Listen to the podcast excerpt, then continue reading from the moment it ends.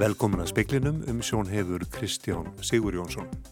Skjáltavirkni eikst við keili. Frá miðnætti hafa mælist þrýr skjáltar yfir þremur að stærð og um 400 skjáltar í hildina. Bráðamóttakar landsbítalans í Fossvogi er yfir full dag eftir dag af sjúklingum sem þarf að leggja inn á aðrar dildir. Í gær var svo fullt að sjúklingar lágu inn á kaffistofu starfsfólks. Forsvarsmenn tryggingafélagsins sjóvár segja rámt að auðgjöld hafi verið oftekin eins og framkvæmda stjóri félags íslenskra bifræðeigenda heldur fram. Keir Star Kýr Starmer, leiðtói í Breska verkamannarflokksins, leitt flokkstinginu í dag með stormandi ræðu en óvíst hvort hún styrki hann í sessi. Og sósíalíski vinstriflokkurinn í Nóriði er hættur við að mynda vinstri stjórn með verkamannarflokknum og miðflokknum. Stjórnendu þeirra halda áfram við ræðum um myndun minnirluta stjórnar.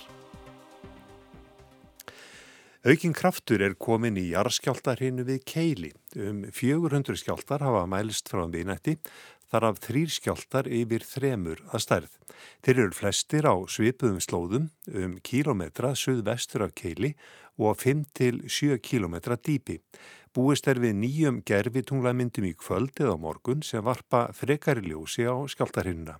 Lóvísa Guðmustóttir er náttúruvár sérfræðingur á Veðustof Íslands. Þessi hrína byrja þarna 27. september og hún hefur verið á miklum krafti í dag, bara núna síðan um miðnætti þá hafa um 400 skjálta mælst og stærsti 3,5 stærð og þeir eru raun allra ræða sér hann á milli keilis og, og litla hrúts, þannig að það er svona, það er mikið í gangi á okkur, mikið stuð. Hvað tellið þið að sé þarna að gerast?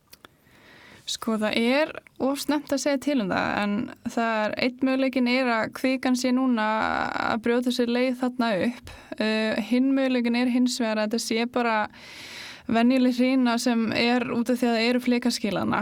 Þannig að það er svona, við býðum spennt eftir að sjá gerfitunglamyndir og sjá hvort það sé eitthvað hérna að lifta sér upp þannig sem bendir þá til að sé kvika eða ekki. Þannig að það er að færast aukinn kraftur í þetta? Já, það er það sagði Lóvísa Guðmundsdóttir. Bjarni Rúnarsson rætti við hana. Síðar í speklinum verður rætt við Freistinn Sigmundsson í arðeðlisfræðing um skjáltarhinuna við Keili og fleira.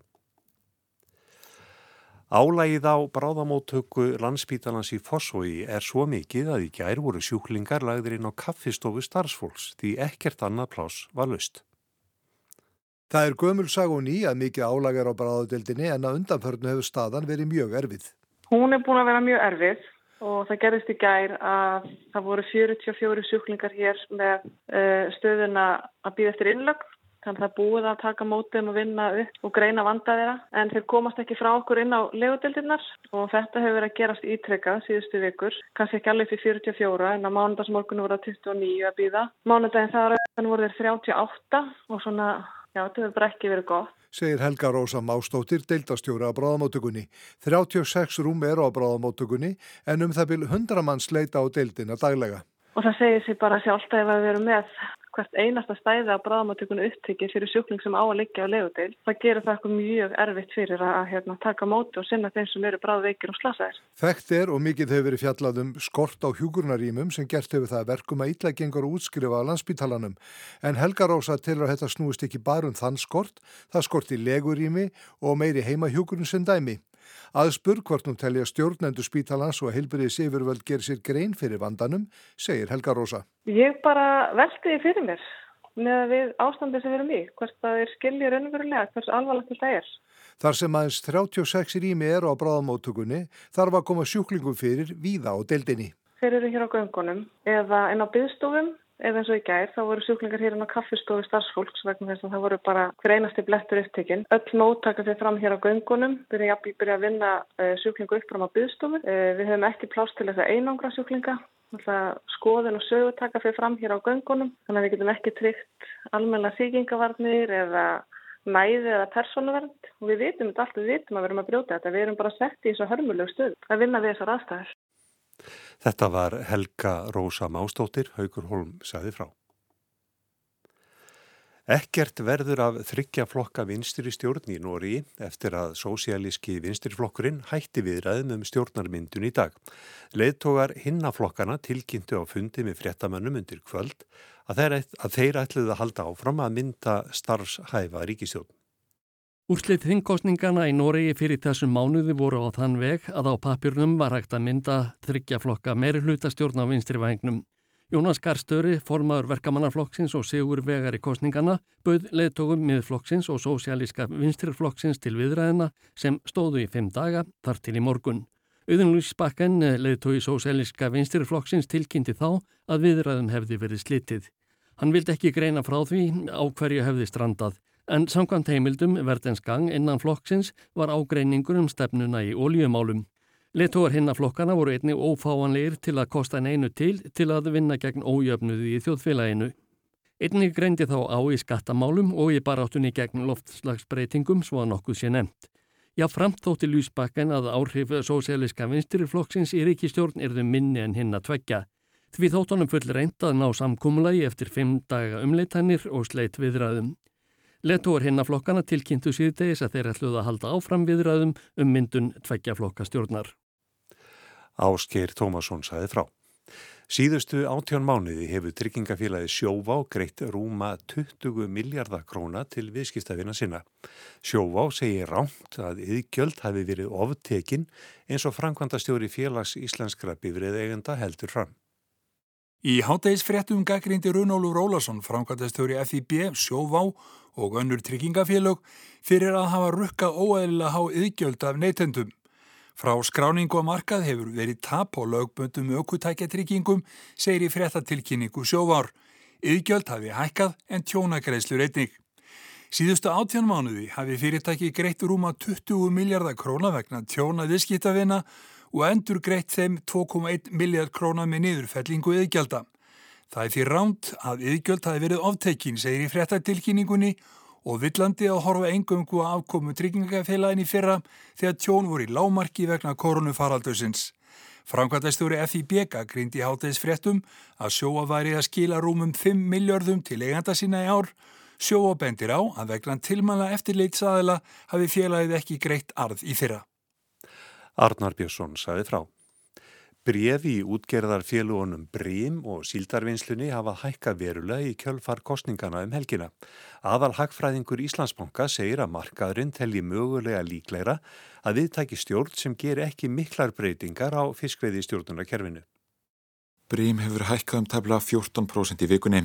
Verðið hefur hækkað um 34,9% árinu og hefur aldrei verið hærram. Þá hefur síldarvinnslan hækkað um rúmlega 12% í vikunni. Jón Bjarki Bentsson, aðalhagfræðingur Íslandsbanka, segir niðurstöðu alþingiskostningarna skýra hækkurinn að hluta. Markaðurinn meti það sem svo að óvisa í rekstrar umkörinu sé nú minni. Svo stjórn sem, að, sem að var á síðast kjöldtíðabili og sannlega verður áfram eh, hefur ekki lagt áherslu á að verði neina eh, umtalsverðar breytingar á því fyrirkomlagi og meðan, meðan önnur stjórnar munstur gæti falið í sér að það er því tekið virla til breytinga þetta kerfi. Á förstu dag veitir Hafaransóknarstofnun ráðum aflamarklóðinu fyrir komandi vertíð. Frum niðurstöður úr rannsóknarleðungurum undanfarna vikna hafa sínt að þær væntingar sem vorum veiðar komandi vertíðar standist. Svo komu mitt frettir núna um að, að jável, það getur orðið nokkuð myndali vertíð og það hlýtur af áhrif á væntingar um reksturinn á, á allra næstum vissu.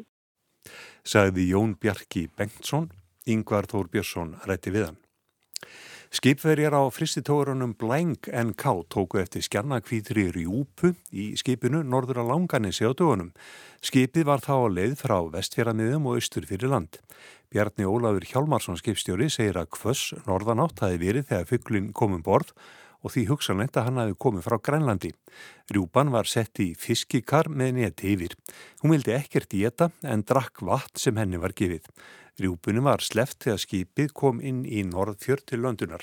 Henni lág ekkert á að fara og settist á spil um borði í skipinu í nokkra klukkustundir áður en hún hjælt sína leið.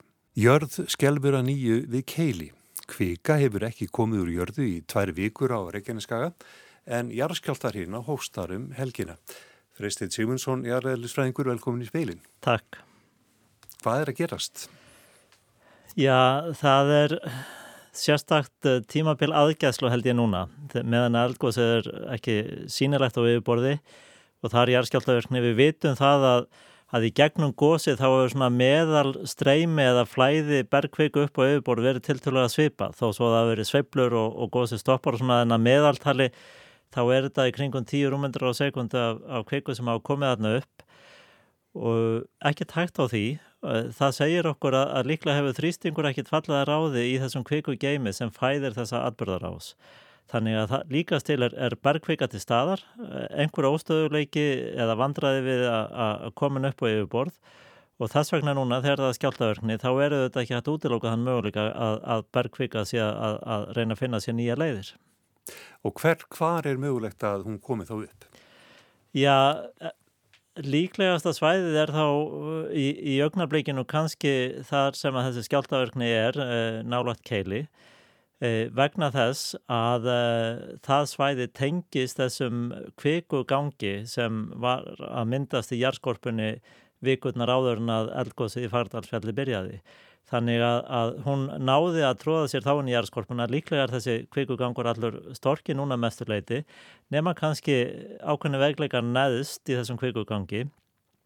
Skjáltarnir eru djúpir, eh, tildalega djúpir með það sem gerist á Reykjaneskánu núna á 57 km dýpi Þannig að þetta gæti verið svona veikleiki frekar djúft í járskorpunni tengt þessum uh, kviku gangi sem myndaðist þegar við fundum alla skjáltana í februar og mars hérna á höfuborgarsvæðinu. Er möguleik á að, að kvikan komi upp uh, já, lengra frá þessu svæði? Er, er möguleikin, já, hvað er radíus möguleikin stór? Já, ég myndi segja að þetta svæði var í líklegast þó svo þetta getur þessi atbyrðar ás bara fjarað út eh, þetta getur líka verið ákveðin endir á, á, á, á góðsvirkni e, þegar að, að, að skjáltarinn tekur sig upp svona en, en við höfum alltaf sagt að við höfum að horfa á Reykjaneskan í heild að, að það geti geti verið umbróti við starra svæði og það er eitt af því sem við höfum talað um alveg frá upphafi þessara umbróti og þegar að virkni var í svartsengi þannig að, að við þurfum bara að hafa varan á okkur. Það er, sko, ef þetta byrjar annar staðar á skaganum, að, að þá er það kannski ekki endilega tengt þessari kviku einingu sem við verðum að tappa af, en við höldum að það getur verið kvika víðar undir skaganum. E, þið hafið lungun talað um það, jarðvísenda menn, e, já, hættuna á stóra skjáltanum, svipuðum þeim sem kom hvaða 1968 í bremsinsfjöldum. E, er hætt á honum? Já, svo sviðismynd hefur raunin ekkert breyst frá upp á þessar umbróta. Við, við teljum ákvæmna líkur á að þegar það er svona umbróta tífumbil að, að þá muni einhver tíðan koma því að það losni spenna á þessum hluta flekaskilna sem á eftir að, að losa um sem er í kringum brennistensfjöld. En það er kannski ekkert sérstakt svona við ákvör þessa skjáltaverkni núna eða það sem er að gerast núna sem, sem segir okkur að, að virknin sé að færast þangað. Mm. Þetta er tengt uh, uh, skjáltaverkni mjög nálagt þessum kviku gangi sem myndaðist og við höfum kannski svona fyrst og fremst að horfa á það svæði. Einn spurning sem að þið eru eflistóttir hundleðir á. Já. Hvernig sérðu næstu vikur, þróuna næstu vikur? Já, það sem að við höfum núna er þessi jarðskjáltaverkni, við höfum alltaf verið að horfa mikið á jarðskorpur heifingar líka og við erum svo sem ekki búin að greina breytingar á, á þeim. Við þurfum kannski e, lengri, e, lengra tíumbil og fleiri dagar, ný gerðutúnagögn eins og að talað um í fréttum. En, en e, já, samspil, tenging á milli jarðskjálta og jarðskorpur heifinga, ef við förum að sjá þær, þá segir það okkur hvort að þarna er umtalsverð kvika á, á ferðinni. Ég held að, að sviðsmyndirnar séu ansi, ansi opnar uh, hvað gerist og, og ég veit ekki til að, að nokkur treystist til að spá nákvæmlega um, um framhaldið. En Freysi, það er uh, annað svæði sem hefur verið einni í fréttum, það er Já. Askja. Hvað er að frétta það? Já, þar hafa það verið jærskorpur heimingarnar sem hafa verið uh, að segja okkur að, að land er tekið að rýsa og, og hefur verið að gera það síðustu tvo mánuði. Eh, Langlíklega stengt eh, kveiku innstremi inn á lítið dýpi inn í þessu merkilega eldfjalli. Við snúningur og reyfingum askja er það eldfjall þar sem hefur verið fylst lengst með jarðskorpreyfingum. Það var unni frumkvæðlastorf á alþjóðavísu. Eisteð Tryggvason, jarðælisfræðingur, kom á fót mæliprógrami þar nákvæmnis hæðamælingum sem við höfum endur tekið reglulega og, og ég og, og fleiri vorum þar nú síðast í, í síðustu viku til að bæta við mælingar og, og, og það er bara svona staðfesting að, að þetta, það er rætt landris í gangi. E, þar er hins vegar lítið af jarðskjáltum Uh, en við vitum það líka að, að þetta ristimbil er daldið einstakt. Askja hefur verið að síga síðan 1983 og þrýstingur að minka uh, í rótum erstöðurnar en nú hefur orðið viðsnúningur. Akkord augnablíkinu er hins vegar sambandslaust við mæltæki sem að viðstofan rekur og, og það komið snjóri í ösku og þá nýtast ekki þessar gerfitungla myndir sem við erum að nota á sama hátt og við höfum greint svo mikið á, á Reykjaneskáðunum og hafa að gefa okkur upplýsingar um þetta landris í ösku. Þannig að það er, það er aðeins óvissu tímambil meðan við höfum ekki aðgangað að upplýsingum um jarðskorpurheimingar. Uh, jarðskjáltarnir, lítilsáttar aukning á jarðskjáltum eh, undir ösku vatni og, og svona norðan og, og vestan þess uh, eh, svo virkni heldur áfram. Þannig að, að það er tímambil aðgæðslu. Mm. Er möguleiki á gósið þetta? Já, það er vissulega möguleiki á, á, á, gósi. Askja er mjög virt eldfjall en uh, Askja er uh, sérstakt eldfjall. Uh, hún heitir Askja af því að þar hafa orðið miklar þrýsti breytingar grund í rótum eldstöðunar tengt stórum eldgóðsum eða kveikustreimi inn í, í jarðskorpuna í miklum gliðunar atbörðum og uh, einkenn á slíkum eldfjöllum er að, að þar geta jarðskorpurhefingar uh, orðið meiri en við annar staðar. Þannig að, að uh, askja getur líka hugsanlega bara tekið við talsverðu magni af kveiku á áður en það kemur til umbróta. Þannig að það er bara að býða og sjá, það er ekki bara að ræða. Það er bara að, að býða og, og sjá og þetta er spennandi svona í alþjóðasamhengi líka við þessi eldfjöld sem kallast öskjur, sambærlega eldfjöld, annars þar við vitum að þar getur, já, geta svona sviðsmyndirnar kannski verið fjölbreyttar en við á, á mörgum öðrum eldfjöldum. Freystir Simonsson, takk fyrir komuna í speilin. Já, takk.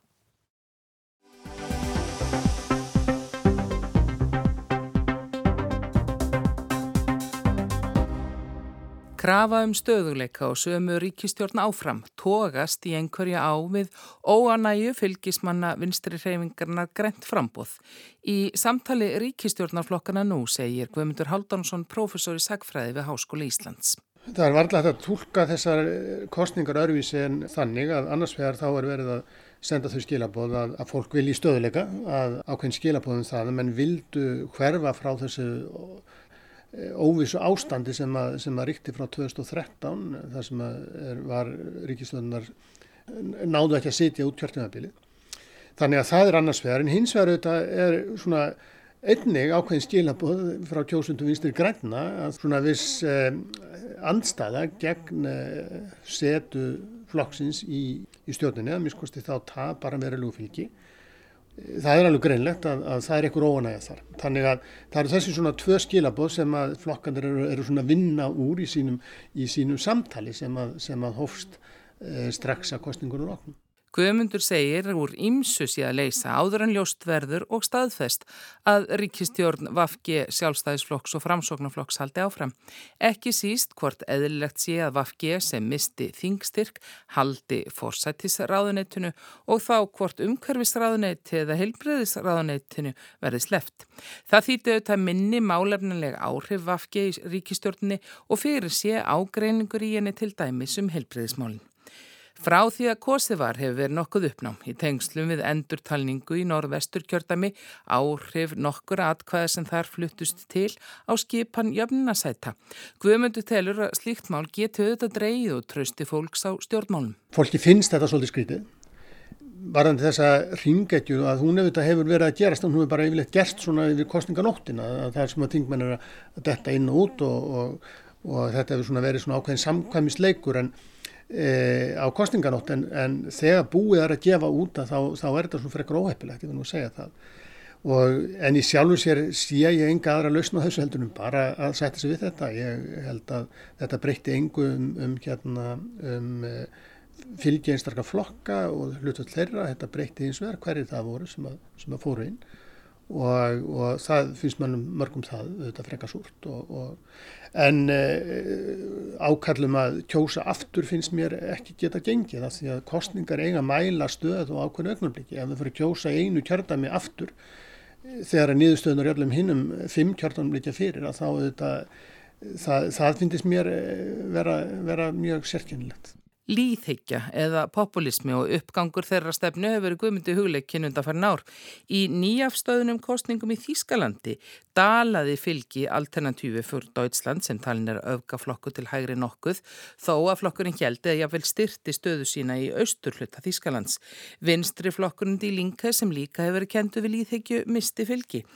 Guðmundur segir að þessi ekki auðvelt að máta íslenska flokka við þessa þýsku. En við getum kannski sagt að að Die Linke eða vinstri og, og sósilistar á Íslandi að þeir, þeir svona það séu svona eitthvað svona tengslar á milli. Getum líka séð, það, það er svona sumt að minnskusti í, í málflutningi e, miðflokksins sem að minnir á, á Alternativ für Deutschland og, og hérna og e, við getum séð að í báðum tilvíkum að þá þessi tveir flokkar í Þískalandi tapa fylgi og, og sósistaflokkurinn náði ekki þingmanni og miðflokkurinn tapar miklu fylgi. það það, það má alveg hugsa sér að þarna sé einhver, einhver svona hugurreininga tengslamilli e, til um það fullir. En við getum kannski sagt það að, að niðurstaðan í Þýskalandi miskusti verið spenda til þess að svona þessi, þetta flug sem að, sem að þessir populísku flokkar í Þýskalandi e, voru á e, í síðustu þar síðustu kostningu að, að, að það svo stundi liðin í bílamiskusti og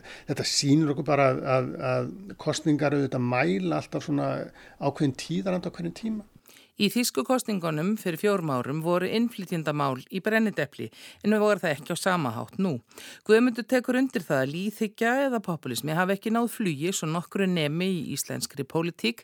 Innflytjandamálin hafi ekki orðið sama bitbein hér og víða. Og ég held að símsar ástæði fyrir því og ég held að ein ástæðin sé svo að, að þessi flokkar í Evrópu og, og í bandaríkjónum hafa gætnan gert út á svona frekar harda þjóðnistefnu, svona einákurina þjóðnistefnu. Og staðritin er bara svo að það er svo margi flokkur í Íslandi sem eru með, eru með þá stefnu að getur sagt að allir þrýr stjórnarflokkanir eru, eru að mörguleiti með þannig stefnu sem myndi flokkast í þeim málum sem myndir flokkast mjög víða annar staðar sem svona einhangurinnar þjóðnistemna, andstaða við þáttöku Íslands í Európa-sambandinu og svona frekar þjóðverðinsinnuð eh, þjóðnissinnað málflutningur sem að til dæmis Þískalandi hefur allt annan aðra tilvísinu sem sínir okkur auðvitað að stjórnmál eru alltaf staðbundin þegar miðast í staðbundar aðstæður og, og það er alveg ljóst að þjóðnistemna hefur allt annan hljóm, hljóm á Íslandi en í Þískalandi og fyrir því líka auðvitað mjög ákveðna sögulegar forsendu. Saði Guðmundur Haldanosson. Anna Kristín Jónsdóttir rætti við hann.